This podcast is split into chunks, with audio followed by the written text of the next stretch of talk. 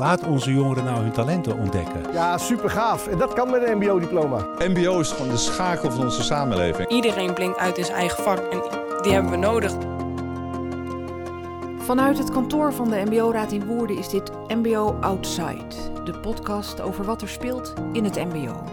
Het MBO als waardevolle opleiding, unieke kennispartner, opleider van toekomstige onmisbare werknemers en, last but not least, goede werkgever. Ik ben Esther de Hek, voormalig radiojournalist, nog steeds interviewer en moeder van een MBO'er. En dit zorgt ervoor dat ik afgelopen jaren echt van het MBO ben gaan houden en de enorme waarde ervan ging inzien. Het MBO verdient een ereplek in onderwijsland en mag volop schitteren. En dat gebeurt dan ook in deze podcast, waarin ik iedere aflevering op zijn werkkamer Adnan Tekin ontmoet, de voorzitter van de MBO-raad.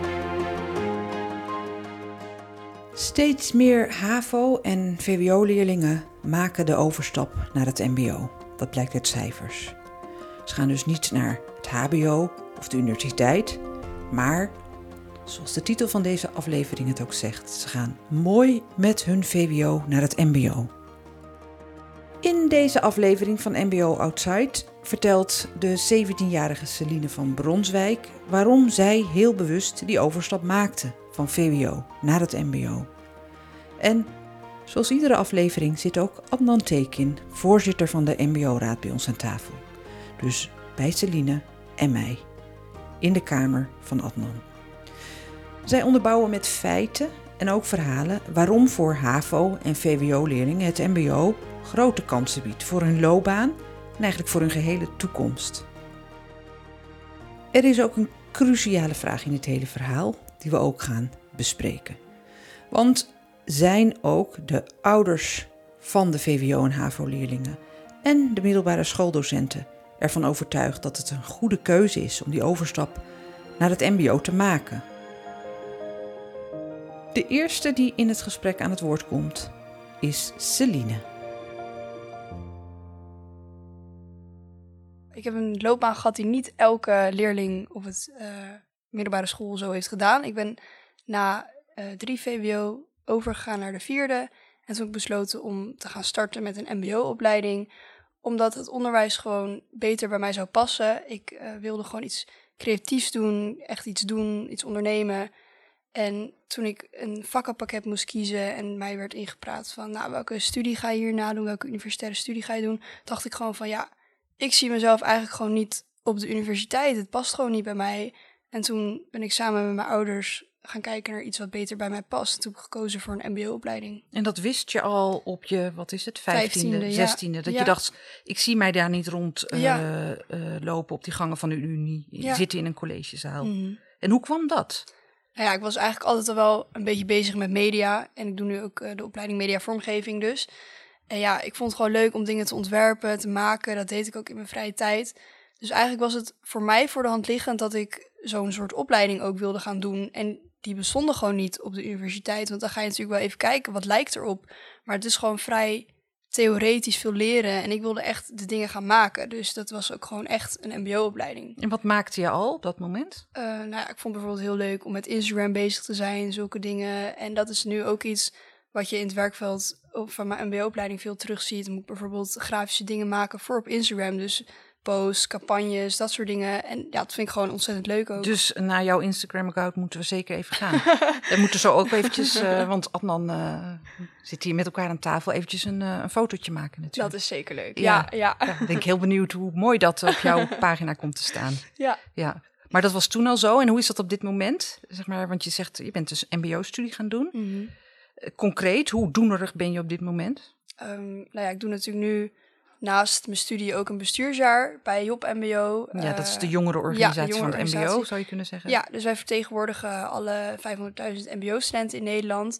Ja, daar stop ik natuurlijk ook enorm veel passie in. Dat vind ik iets wat ik, ja, dat, dat vind ik gewoon fantastisch. Ook omdat ik dus zelf met eigen ogen heb meegemaakt hoe mijn, mijn overgang naar het MBO is verlopen. Ja, dat vind ik het nu enorm belangrijk dat er ook gewoon gelijke waardering komt voor MBO'ers. Ja. Ja. Want ehm, hoe uitzonderlijk eh, was jij in de tijd? Want hoeveel jaar is dit geleden? drie jaar geleden. Ja, hoe Ja. uitzonderlijk was jij? Ik was eigenlijk de enige in de klas die dit deed. En ik kreeg ook wel opmerkingen van, weet je het wel zeker, je gaat toch gewoon over zulke dingen. En docenten die daaraan gaan lopen twijfelen, die vinden het zonde. Dat krijg je dan te horen. En nou ja, dat, dat slaat gewoon eigenlijk nergens op. Want het, het heeft mij zulke mooie kansen ja, nu gegeven. Dus ook docenten die eh, je toch, nou ja, in ieder geval minstens een kritische vraag erover stelden. Het verschilde natuurlijk. Je hebt docenten waar je heel goed mee bent. En die zien ook echt van, dit past bij jou. Maar je hebt ook docenten waar je wat minder goed mee bent. Die denken, ja, eh, mijn leerling moet gewoon over. En die gaat maar gewoon verder. Want dat, eh, waarom zou je stoppen? Ja. Adnan, jij eh, hoort dit aan. Wat denk je? Ja, ik, ik denk dat Celine heel slim is geweest om haar eh, talenten te volgen op een, op een leeftijd waar heel veel jongeren toch ook wel moeite hebben om te kijken van ja, weet je, wat wil ik nou laten doen en waar ligt nou mijn talent, waar gaat mijn hart harder door kloppen. Nou, jij hebt het aangedurfd op je vijftiende Ja. om dat te doen. Eh, heel veel jongeren die gaan gewoon door hè, in die, in die VWO-route dan. Hè? En die komen er dan pas later achter van ja, dit is eigenlijk helemaal eh, eh, niks voor mij. Omdat ik nou, liever wat meer non-cognitief, hè, dus wat meer creatief wil zijn. En ik wens onze jongeren veel meer eh, toe dat ze ook nou, ja, zo'n weg gaan bewandelen. Want dat is, dat is niet de normale weg. Hè? Dat we daar he- gewoon heel eerlijk in zijn. Is dat eigenlijk je hart volgen? Ja, dit is eigenlijk, Celine heeft haar hart gevolgd volgens mij. Niet omdat haar angstzweet uitbrak straks dat ze naar de universiteit moet. Dat geloof ik niet, want ze- ze- ik zie Celine wel als iemand die heel krachtig genoeg is om dat te weerstaan. Nee, die heeft echt haar hart Want gevolgd. aan je cijfers lag het niet. Nee, nee, ik was gewoon over, ja. ja. Ja. En eh, ik zie het wel sporadisch. Hè? Dus als ik bij open dagen ben, we hebben het al eerder over gehad, hè? dan zie ik ook havisten daar rondlopen. eh, eh, om toch ook te kijken van ja, weet je, is dit misschien, past dit misschien iets beter bij mij dan, eh, dan, dan de HAVO? Ja. En het grote verschil is, en dat realiseren eh, eh, jongeren zich niet, maar dat vind ik niet eens zo erg op die leeftijd. Maar ouders realiseren zich het helemaal niet. Het verschil tussen een HAVO-diploma en een MBO-diploma. Met een HAVO-diploma kan je naar het HBO, maar heb je nog geen vak geleerd? MBO-diploma, niveau 4, heb je zeker een vak geleerd. Kun je ook naar het HBO. Hè, dus stel je wil echt die HBO-route ook nog doen. Hè? Maar dan sta je eigenlijk al 2-0 voor als Ja. je een MBO-diploma Maar jij hebt. zegt realiseren ouders zich niet. Nee. Ouders. Nee, die, die realiseren zich dat niet. Dus de koninklijke route bij heel veel ouders is nog steeds, Ja. bij merendeel. Oftewel, dat zegt iets ook over de impact van ouders in dit hele verhaal. Zeker, zeker. Vooral op die leeftijd hebben zij een hele grote impact. Ook bij zo'n open dag. Ik realiseerde me op een gegeven moment dat ik meer met ouders stond te praten dan met de leerling. Hè, dat ik een beetje de ouders moest overtuigen van dat MBO prachtig onderwijs is en heel goed zou kunnen functioneren. eh, dan dat ik dat met. Want die leerling was al volgens mij al overtuigd door wat hij zag daar eh, eh, allemaal. Nee, het is echt oud. En ik vind het dus echt durf ook van de ouders van Celine. Ja. eh, om tegen haar ook te zeggen: ja, ga nou je hart volgen. Ja. ja. Hoe, eh, vertel daar eens wat over. Hoe, want jij, jij, jij zei al van, nou, mijn ouders zeiden van, hey, is MBO niet iets eh, voor Ja. jou? Hoe, hoe, hoe, hoe ging dat? Nou ja, ik wist niet eens dat de optie bestond om naar het MBO te gaan. Bij mij was het gewoon niet in me opgekomen. Ik wist wel dat, het, dat het, de route niet bij mij paste en dat ik wel echt graag iets wilde doen. Maar ik was er niet van op de hoogte. En ik, ik heb dan het geluk gehad dat mijn ouders zeiden van, dit kan ook. En die zeggen ook inderdaad, je hebt een 2-0 voorsprong. Stel je wil nog naar het hbo, alles kan nog. En hoe, hoe komt het, denk je, dat jouw ouders dat zeiden? Ehm, mijn ouders hebben zelf ook een mbo-opleiding gedaan. Ehm, dus ik denk dat dat daarmee te maken heeft ook. Maar wat je dus wel veel hoort, is dat zij vragen hebben gehad van andere ouders met... je laat je kind van school gaan zonder diploma. Dat was echt een, dat is een angst bij heel veel ouders. Dat er dan vervolgens ja, niks wordt geleerd of niks van terecht komt. Maar dat is dus niet het geval. Als jij gewoon je mbo daarna haalt, ben je net zo snel klaar als een vwo-leerling eigenlijk. Ja. Het valt mij ook in alle an- andere afdelingen, eh, afleveringen die we tot nu toe gemaakt hebben op dat ouders in die keuze voor het MBO eigenlijk zo'n enorm cruciale rol spelen. Ja. En daarom ook onze pleidooi, dat gaan we binnenkort ook weer doen, om die selectie dus niet al op 12, 13-jarige leeftijd te laten gebeuren, maar op een latere leeftijd. Waarbij die jaren ook gebruikt om aan loopbaanoriëntatie te doen, om met vakken en beroepen in aanraking te komen, zodat leerlingen ook wat meer zelfstandiger en eh, wat meer gewogen een keuze kunnen maken. En ook in die hele eh, periode ook de ouders daarin kunnen meenemen van wat ze aan het doen zijn. Eh, want nu zie je toch, ook omdat ja, wij daar amper aandacht voor hebben, hè, ook in het PO niet, ook in het VO niet, hè, voor eh, loopbaanoriëntatie, ja, dat dan de, de, de koninklijke route, laat ik het maar zo even noemen, dat dan de koninklijke route Ja. wordt bewandeld. Ja. En dat is doodzonde, want daarmee gaan heel veel talent verloren. Hè? Is wat dat er gaat, en daar wil ik het even over hebben. Die brief die onderwijsminister Dijkgraaf eind oktober aan eh, ruim 200.000 eindexamenkandidaten binnen HAVO en VWO heeft gestuurd. Is dat in misschien dit opzicht ook wel een goede zet van hem geweest? Eh, omdat dan heb je het over 17, 18-jarigen. Ja, 16, 17. Ja, dat al wat later ook is in het keuzetraject. Het zijn geen 14, 15-jarigen. Ja. Nou, ik vond het een briljante brief, maar hij is ook broodnodig. Ik heb het zelf meegemaakt met mijn dochter die HAVO heeft gedaan en een ouderavond was. En de docent vertelde welke mogelijkheden zij na de HAVO heeft. Kwam MBO helemaal niet in voor. Helemaal niet. Hè? Dus dan was het weer de koninklijke route naar het HBO. Ja, want die brief, want dat, eh, laten we dat even, laat ik dat even beter toelichten. Daar stond in van richting die eh eindexamenkandidaten HAVO, eh, VWO, van overweeg ook een MBO. MBO-opleiding. Ja, en dat is dan, dan echt de waaiergedachte. Hè? Dus niet die ladder van steeds maar weer opklimmen. Maar de waaiergedachte van nou, MBO is ook een volwaardige mogelijkheid daarnaast. Hè? Dus niet erop of eronder, maar daarnaast. Nou, ik vond het dus briljant dat hij deze groep eh, leerlingen eh, deze brief heeft eh, gestuurd. En je zag ook Had je hem de dat reactie- ingefluisterd, dat man? nou, we hebben het er wel over gehad. Nee, maar ik heb het niet ingefluisterd. We hebben het er wel over gehad. Hè? Brieven sturen naar leerwerkbedrijven, docenten, naar leerlingen. En, maar het past ook wel in de lijn die hij heeft ingezet. Hè? Rondom kansengelijkheid, rondom die waaier, rondom de volwaardige positie van, van mbo-onderwijs en studenten. Past deze brief, ja, ik zie dat als een beetje als een sluitstuk, eh, past daar prima in. Ja, ja, dus er zat echt een gedachte achter. Ik heb Ja. ook wel gedacht, is dit om goede sier te maken? Een beetje voor de buren?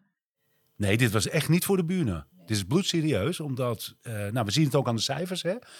Vooral eh, in corona en na corona, leerlingen die zonder een HAVO of een VWO-diploma naar het MBO gaan, is bijna verdubbeld. Bijna verdubbeld. Ja, dat is, daar, laten we daar even de nadruk inderdaad Ja. op leggen. Dat zijn de cijfers. Daar zijn de cijfers bijna verdubbeld. Komt ook natuurlijk eh, door corona, wat moeilijker is geweest voor En dat deze... is tijdens hun HAVO, Ja, hè? VWO-opleiding. Dus hebben ze nog geen diploma. Nee, hebben ze geen diploma en dat is verdubbeld. Nou, dat wisten wij al, dat dit zou gebeuren. Dat, dat, daar kwamen we achter ook aan het begin van corona. Ehm, daar zijn we trots op dat we deze leerlingen kunnen opvangen en ze een volwaardige positie kunnen geven, ook voor, om, om te werken aan hun toekomst. Eh, het vergt ook heel veel van onze organisaties hè, om, eh, om deze leerlingen eh, in te laten stromen. Maar het zit dus echt in een systeem. Dus je kunt makkelijker naar de HAVO, VWO dan misschien 10, 15 jaar geleden. Heeft ook met beleid te maken. We willen ook als samenleving dat 60% van onze bevolking van een bepaalde leeftijd hoger is opgeleid. Ja, daar krijgen wij nu wel de rekening voor gepresenteerd. Vandaag al. Ja. Met vakkrachten die niet eh, er zijn. We hebben een hele grote discussie over arbeidsmigratie. Dat heeft er allemaal mee te maken. Heeft er allemaal mee te maken. ja. Celine, jij zit ja te knikken. Zijn dit... eh, Ja, en wat je natuurlijk ook merkt over die brief, dan wordt natuurlijk in vermeld dat je nu eh, dat je ook moet overwegen om een MBO-opleiding te doen. Dat is natuurlijk heel mooi, want heel veel leerlingen ervaren nu nog steeds die prestatiedruk van alsmaar maar, maar beter. En een HBO is hoger dan een MBO, maar het is helemaal niet hoger. Daar moet je niet meer over spreken. Het is gewoon een opleiding en alles is gewoon op dezelfde eh, hoogte eigenlijk. ja, dat zeg jij. Ja, het is zit er nu natuurlijk nog wel diep in, denk ik. Kom je ook nog wel tegen. Hoe bedoel je? Van eh, eh, hoe hoger, hoe beter. Ja, dat is toch een uitspraak waarvan je denkt, eh, ja, als je gewoon een vak hebt geleerd en je bent daar enorm goed in en je zit helemaal in, in, dat, in dat werkgebied, daar kun je ook enorm sterk in zijn en gewoon veel mee verdienen. Het is echt niet altijd hoger. Dus ja, het is gewoon, het is anders, zeg ik Ja. altijd. Het is niet hoger of lager. En salaris zegt ook niet alles. Hè? Uit alle onderzoeken blijkt ook van MBO-studenten die nog student zijn of afgestudeerd zijn. Werkgeluk, levensgeluk is misschien juist in deze tijd, ook na corona, misschien nog wel belangrijker dan eh, hoeveel je einde van de maand op je, op je rekening krijgt eh, gestort. Ja. Ehm, het effect van die brief is nog niet te meten. Nou, wat ik wel mooi vond, is de reacties daarop. Hè, je zag ook dat met name ook wat hoger opgeleiden dat heel raar vonden. Hè, dat eh, dat eh, hij zo'n brief had eh, geschreven. Ook met zijn achtergrond als wetenschapper, et cetera. Dus volgens mij heeft het, en wij praten er nu over, het heeft volgens mij wel zijn doel bereikt. Hè, ook om iets ter discussie te stellen. Ja, ja. Het is eigenlijk een soort tegengeluid. En in heel dit verhaal rondom doorontwikkeling van MBO het frame van MBO, als je hoger kan, doe het dan. Eh, is een tegengeluid, eh, denk ik, ook heel belangrijk. Dus dit is eigenlijk een tegengeluid, eigenlijk een beetje een manier van omdenken van de minister zelf. Ja, zeker. En ook die volwaardige positie geven van het MBO naast het HBO en de universiteiten. En dat is heel erg bijzonder. Ja. Eigenlijk heb jij ook een soort tegengeluid laten zien, hè? door op je vijftiende te stoppen met het VWO, terwijl Ja, het niet ja, zozeer nodig was, en naar het MBO te gaan. Ja, en dan heb je natuurlijk ook je vriendinnen op school die eh, je wel steunen, want die kennen je heel erg goed. Die denken, oh ja, oh, wat gaaf, wat ga je allemaal doen? En eh, die spreek je nog steeds. En een aantal hebben ook later nog eh, de keuze gemaakt om Ja? naar een mbo te gaan. Ja. En dan denk je toch van, ja, dan is het toch gewoon zonde dat in die studievoorlichtingen en je, wanneer je vakkenpakket moet kiezen, dat het mbo gewoon achter wordt gelaten. Ja. Het is niet, niet een keuze, maar dat, dat moet het eigenlijk wel zijn. Dus dat heb jij zien gebeuren Ja, ook. Dat, je, dat het een, eh, nou jouw stap, dat dat ook anderen heeft eh, gestimuleerd. Zeker, ja, ja. Ik vind het heel stoer hoor, wat je hebt gedaan, Celine. Echt waar. Ja, en toch heb ik dan steeds het idee, hier zit een unicum. Maar goed, je hebt het nu over je vriendinnen die ook die stap hebben gemaakt. Ja, ja die hebben we ook. eh, en de cijfers, ja, de cijfers die spreken natuurlijk ook eh, voor zich. Want eh, Adnan, eh, vertel eens wat meer over die, eh, over die cijfers. Nou, wat we zien, hè, dus eh, de afgelopen eh, twee jaar met name een toename. In 2016 was er ruim 3000 leerlingen die zonder een HAVO of een VWO-diploma naar het MBO gingen. Dat is nu rond de 6200 vorig eh, schooljaar. Ik denk dat het alleen maar toe- toeneemt. Heeft dus ook met corona te maken. Hè, Ja. eh, de afgelopen jaren. Eh, dat cognitieve in coronatijd was toch best wel moeilijk.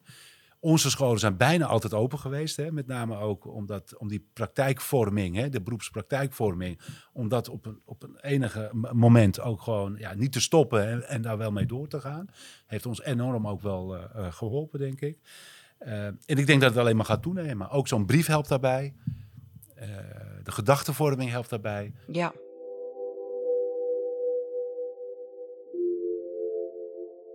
We hebben het over de cijfers. Ik haak bij jou in, nog eventjes Adnan, eh, over wat je dus vertelde over die cijfers. En dan wil ik eh, jou vragen of er een verschil is. Nou, dat ga ik denk ik aan jou vragen, Celine. Een verschil is tussen doorstromen naar het MBO vanuit HAVO-VWO, dus wat jij gedaan hebt stoppen, Ja. of dat je eh, een HAVO en een V- VWO-diploma hebt en dan naar het MBO gaat. Hmm. Want dat zie je minder. Ja. Ja, het enige verschil is dan dat je wat ouder bent wanneer je start met de mbo-opleiding. Ja, kijk, zonder corona is het eigenlijk 50-50. Hè? Ja. dus stel, stel je, je, je haalt die corona-effect weg, want er zit, er zit echt een corona-effect in. Dan is het ongeveer 50-50. Dus dan was het rond de 2000 met een HAVO of een VWO-diploma versus 3000. Ja, weet je dan. Oh ja, Ja. Hè, dus als je daar even doorheen kijkt. Nee, het heeft echt, ik denk dat dit het corona-effect is. Die Ja. flinke toename. Ja, dus dan verwacht jij dat het ook wellicht ook qua ontwikkeling 50-50 blijft. In ieder geval op wat kortere Ja, termijn. of ik hoop dat Die we- brief. of ja, die brief met kansengelijkheid, met het is een volwaardige route, dat we een andere discussie in de samenleving krijgen. Dat dat op een veel natuurlijke manier gaat en dat je geen crisis nodig hebt, Ja. Ja, eh, geen gezondheidscrisis nodig hebt.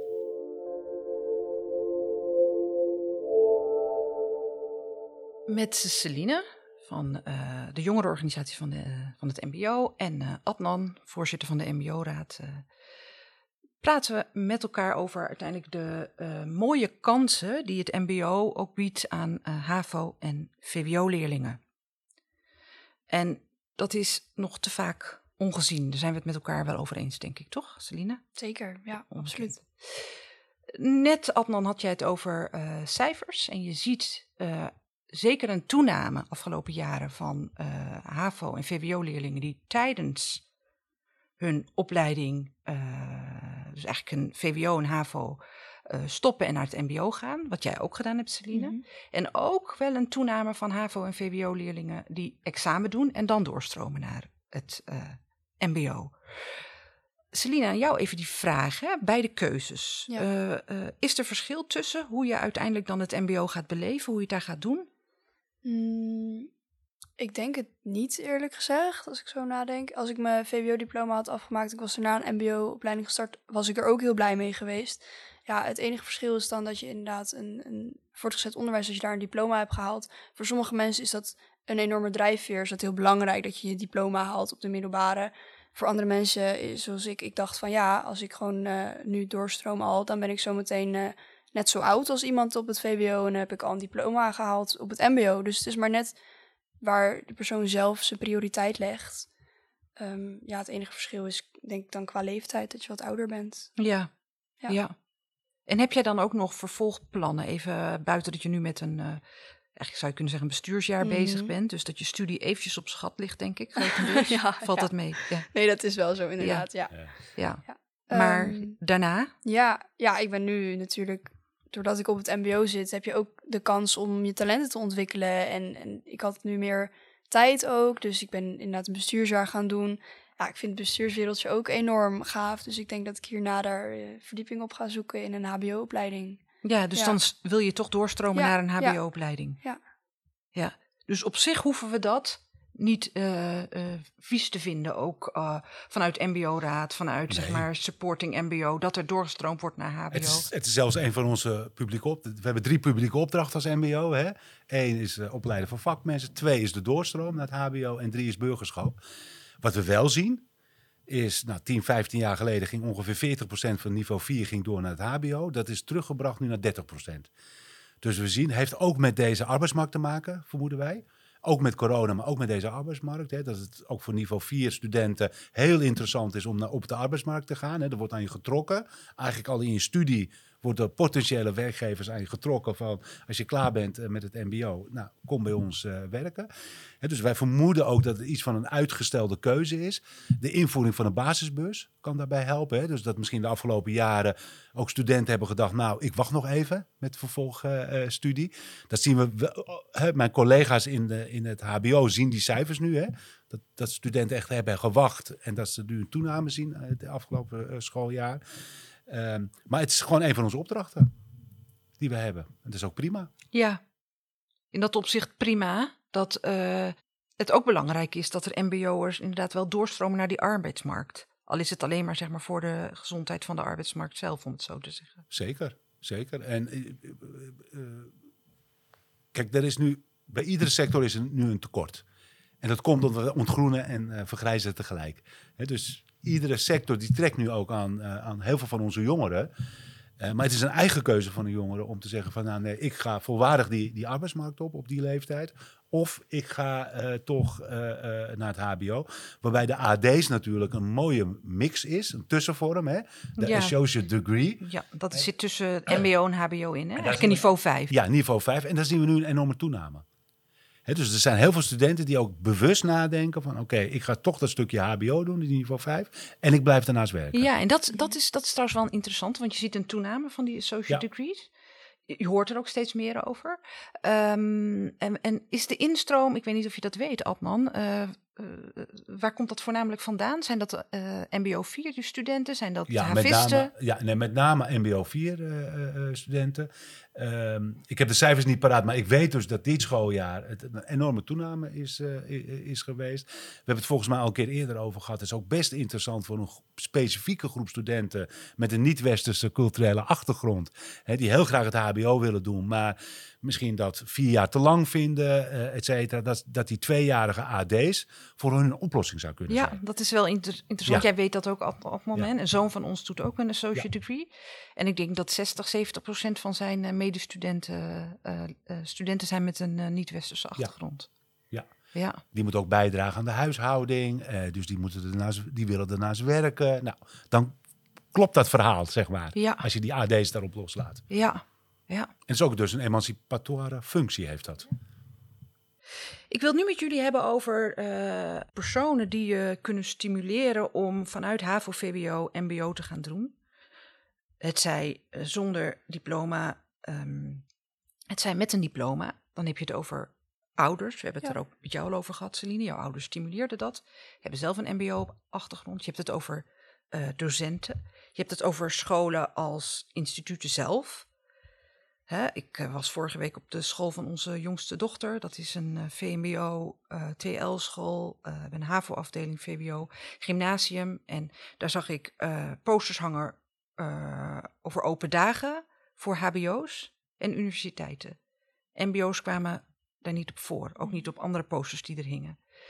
Dus ehm, in hoeverre is het van belang dat, we hebben de ouders genoemd, docenten genoemd, scholen zelf, ook ehm, ja, visie ontwikkelen, in ieder geval oog hebben voor de optie dat je na HAVO-VWO of tijdens HAVO-VWO kan doorstromen naar het MBO. Hoe cruciaal is het dat daar, dat, dat gebeurt? Mhm. Ja, ik denk dat dat enorm belangrijk is. Het gaat natuurlijk niet uiteindelijk over of je een universiteit of een HBO of een MBO hebt gedaan, maar het gaat erom dat je gelukkig in het leven staat, dat je doet wat je leuk vindt, dat je je talenten achterna gaat. Dat is iets wat veel meer waard is en dat, dat, dat vergeten mensen gewoon af en toe. En er wordt alleen maar van je verwacht, HAVO, dan doe je een HBO. Als je op het VWO zit, ga je naar de Unie. Ja. En de rest wordt achtergelaten. Jij Ja, zegt ja. vergeten mensen, met, wees eens Ja, concreter. Ik denk bedoel je gewoon met dat- mensen? Wie zijn dat? Ja, iedereen. Ouders, docenten, studenten zelf, leerlingen zelf. Ik denk dat mensen gewoon soms alleen maar bezig zijn met... ik moet zo goed mogelijk zijn, zoveel mogelijk verdienen. Eh, Dat zijn dingen, ja, dat wordt, alleen, ja, het wordt door hun heel belangrijk gevonden. Maar het is natuurlijk veel belangrijker hoe je in het leven staat... of je gelukkig bent, of je op je plaats zit.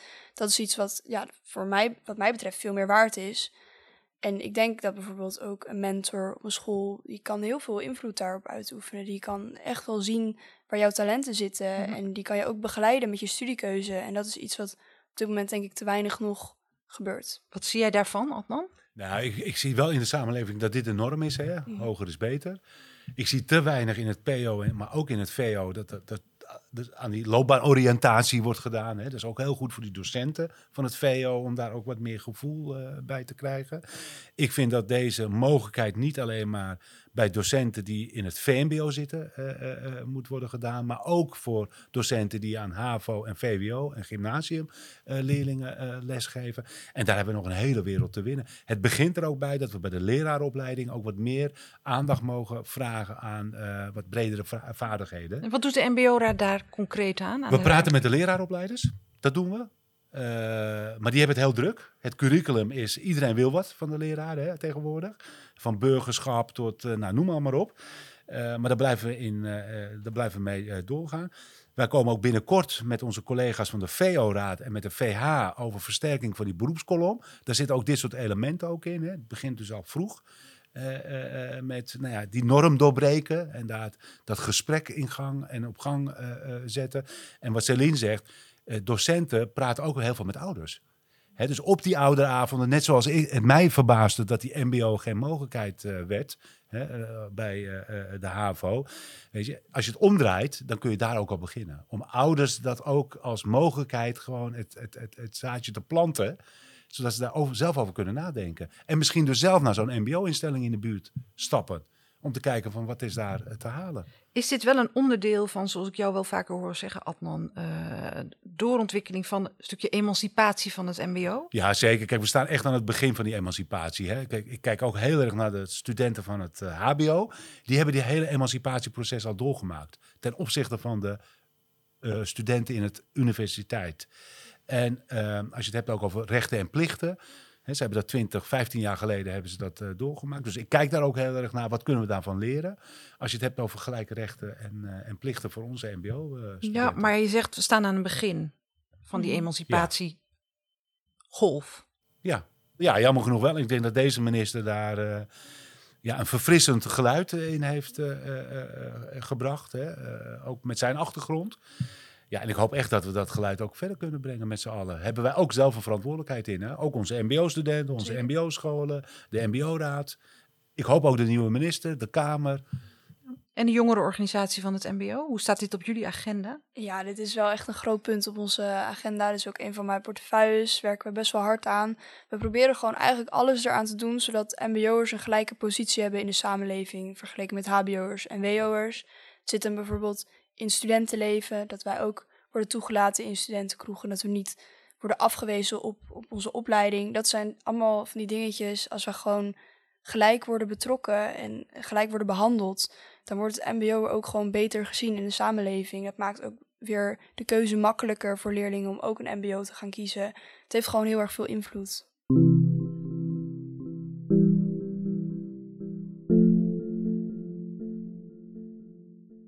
Hoe zit dat, Celine? Je had het er net over, over eh, eh, het uitgaansleven en MBO-studenten. Je bent zelf 17, Mhm. dus gaat nog niet veel uit, denk ik. Nee, eh, maar ehm, je hoort wel regelmatig dat eh, andere mbo'ers die uitgaan bijvoorbeeld niet in studentenkroegen worden toegelaten. Ja, dat vertelde je. Ja, precies. Dus zulke dingen. Wat moet ik me daarbij voorstellen? Gewoon bij de deur Ja, stop, gewoon bij de deur geweigerd. En stel je gaat met een groepje uit. Je bent zelf een mbo'er, maar iemand anders heeft het hbo. En zijn- je bent gewoon vrienden met elkaar. De ene komt wel binnen, de ander niet. En dat is op basis van een collegekaart die je moet laten ja, zien? ja, ja. En dan wordt er gewoon gezegd, oh, je doet een mbo, dus je bent geen student. Maar ja, wij mbo'ers zijn ook gewoon studenten. Dus het is enorm scheef dat dat nog steeds gebeurt. Maar ook als het gaat over huisvesting, eh, worden mbo'ers geweigerd in wooncorporaties. Het was laatst in het nieuws, is iemand uit Amsterdam eh, geweigerd, puur op, op de opleiding, omdat ze een mbo doet. En dat is Ja, gewoon ja, iets- dus het was studentenhuisvesting Ja. en daar konden mbo'ers... eh die... Nee, mogen mbo'ers dan geen gebruik van maken. En ja, dan maak je het als... Ja, dan wordt het gewoon heel moeilijk gemaakt voor mbo'ers om ook echt mee te doen. Want we willen natuurlijk inderdaad, die emancipatie, die, die is bezig. We willen natuurlijk gelijk behandeld worden.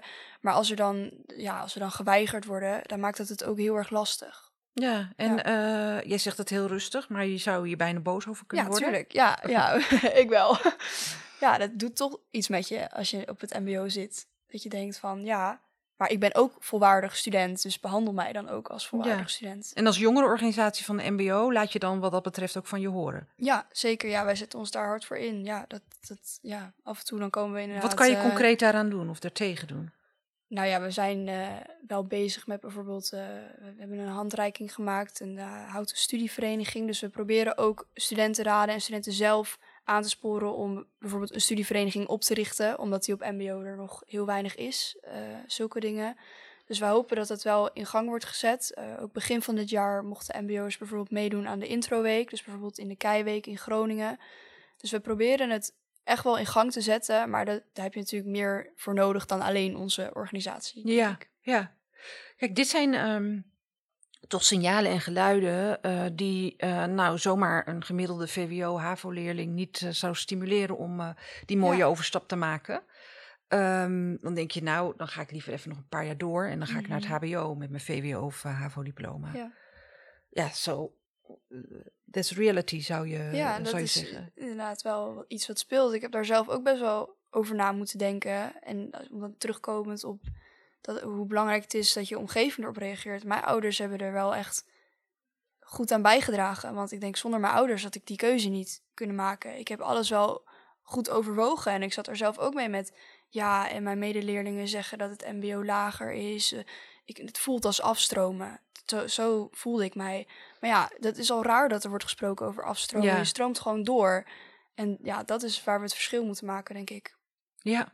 En hoe kun je toch, nou, HAVO-leerlingen, VWO-leerlingen overtuigen van doe het, doe het echt, Mhm. want het is mooi en je, je wordt er gelukkig van. Ja, ik probeer natuurlijk zelf altijd eh, mijn eigen ervaringen te delen. En ik spreek altijd heel positief over het MBO. Ja, MBO'ers zijn ook gewoon de makers van de samenleving. Dat is gewoon, dat is gewoon zo. Dus ja, ik, ik ben er heel blij mee. En ik straal dat ook echt uit. En ik denk ook wel dat mensen het aan me zien dat ik echt op mijn plek zit. En dat ik wel echt gelukkig ben. Ik denk echt als havisten gewoon in een mbo-school eh, terechtkomen, hè, bij zo'n open dag, avond, ze kijken hun ogen uit. En de meesten worden wel verliefd op het eh, mbo. Maar even over dit onderwerp. Hè. We, we boeken ook wel vooruitgang. Artikel 1, hè, dat is gelukt omdat we dus vorig jaar in Utrecht... Nou, Jelmer was daar ook het vo- voorbeeld van. Hè. Jelmer ging dus... eh, MBO-ambassadeur. eh, ja, en hij was toen voorzitter en, van het Job MBO. Ging met een verborgen camera van Radar volgens mij. Ging hij op stap. Hè. Nou, hij werd geweigerd. Dus zijn collega's mochten wel naar binnen en hij werd eh, geweigerd. Toen ben ik ook onmiddellijk in actie gekomen. De minister, de wethouder. En, eh, en we hebben PvdA GroenLinks eh zover gekregen dat ze die artikel 1 willen uitbreiden op discriminatie op basis van opleiding. Dat wordt dus toegevoegd. Nou, eigenlijk is het van het zotte dat je dat dus nodig hebt in artikel 1. Maar helaas is het wel het geval. En dan heb je ook een instrument waarbij je dus ook aan die, aan die portier of aan die eh, kroegeigenaar hè, eh, ook wel stappen kunt zetten. Want nu kon ook de gemeente Utrecht niks doen. Hè, deze eigenaar kon gewoon weigeren. Hè, want hij had daar. Maar het is ook apart, hè? want je zou zeggen, iedere student die er ook in jouw kroeg rondloopt, dat is omzet, toch? Nou, ik heb toen ook vorig jaar in hetzelfde programma van Radar gezegd... Een, een student van het hoger onderwijs heeft dezelfde euro uit te geven... dan een student eh, vanuit het mbo. Hè? Dus die euro is toch gelijk? Hè? Dus ik, ik begrijp het ook niet. En wat hier helemaal speelt, bij mbo... en als je het hebt over horeca... Ja, jouw personeel heeft allemaal een mbo-achtergrond. Dus helemaal een beetje gek als jij dan aan de voordeur mbo'ers de deur wijst. Ja. We gaan naar het droommoment. Een bekend moment eh, in afleveringen van MBO Outside. Dat ik vraag de gasten eh, even hun ogen te sluiten. Ehm, nou, dat doen we eventjes een minuut of, eh, of een minuut. Dat zal ik jullie niet aandoen. Een seconde of vijf. Dat hou jij niet vol, hè, Adnan? Nee. En dan eh, wil ik jullie vragen om eh, daarna jouw droom te onthullen aan de luisteraars over hoe een onderwijswereld eruit ziet waarin het ja, heel gebruikelijk, normaal, goed is dat je als havist, als VWO'er, met of zonder diploma, de overstap maakt naar het MBO en daar ook een goed studentenleven hebt. Celine en Adnan, aan Mhm. jullie. Ik denk dat het ideale zou zijn, inderdaad, als iedereen elkaar waardeert en dat iedereen elkaars talenten stimuleert. Dus dat het gewoon normaal wordt gevonden als jij gaat voor iets wat jij leuk vindt. eh, dat iedereen gewoon ja, dat mag doen. Dus dat bijvoorbeeld ouders ook gewoon exact weten van welke richtingen er zijn, welke mogelijkheden zijn. Dat er meer gedacht wordt inderdaad in de waaiergedachte van minister Dijkgraaf in plaats van de ladder. Dat, dat zou het perfecte zijn. En het mooiste zou ook zijn als mbo'ers een volwaardig studentenleven kunnen leven. Dat zij ook naar de studentenkroeg mogen. Dat zij ook in een studentenwoning mogen. Gewoon dat mbo'ers, eh, hbo'ers en wo'ers gewoon elkaar allemaal kunnen ontmoeten en goed samen met elkaar kunnen omgaan. Ja, en zie Ja. jij deze droom verwerkelijkt worden op wat kortere termijn? Een kwestie van Mm. binnen nu en vijf jaar. Ja, ik denk wel dat er echt wel dingen in gang zijn gezet. En ik hoop dat dat natuurlijk eh, doorgaat. Daar gaan wij als organisatie ook enorm ons best voor doen. Dus ja, er zijn nog veel mogelijkheden voor de komende vijf jaar. En eh, ja, ik zie wel mooie dingen. En ik zie ook dat deze arbeidsmarktkrapte helpt. Hè? We hebben hele grote maatschappelijke uitdagingen. Ja, we moeten afwachten wat voor kabinet er komt. Maar je weet nu al, eh, zonder voldoende vakmensen gaat dat niet gebeuren. Gaan we niet dat stap vooruit zetten in, eh, in de samenleving. Nou, corona heeft daarbij geholpen. Het, het, het helpt als mensen het zelf ook op een andere manier voelen. Ja, De waarde van vakmensen. ja. Wat heb jij toe te voegen aan de droom van uh? Nou, het is mijn droom ook van de vorige keer, is dat ik hoop en droom dat geen enkele mbo-student meer straks bij een feestje niet meer durft te zeggen dat hij, hij of zij mbo-student is. Of o- op beeld eh, eh, op, bij een programma dat zou zeggen.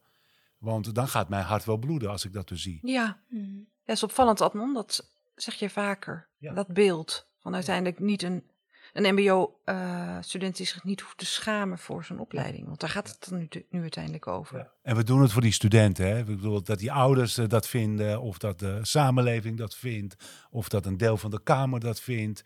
Vind ik allemaal prima.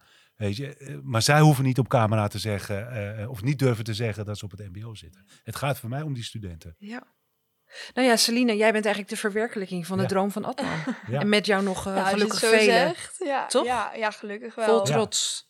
zeker. Ja, Ja, met uiteindelijk dus ook impact op je omgeving. ja, dat vind ik inderdaad het mooiste om te zien. Dat wanneer je echt op je plek zit, anderen zien dat aan je. Die merken dat, die zeggen van, oh Celine, je bent zo'n stuk gelukkiger, je straalt. Ja, daar word je echt blij van. Als je, dat, als je dat kan laten zien aan iedereen, dat is het mooiste wat er is, denk ik. Ja, Ik ben zo trots op Celine. Heel goed. dankjewel. Dit was MBO Outside, de podcast die het MBO laat schitteren. Fijn als je je abonneert op deze podcast. Of MBO Outside waardeert met een beoordeling of recensie. Tot de volgende aflevering.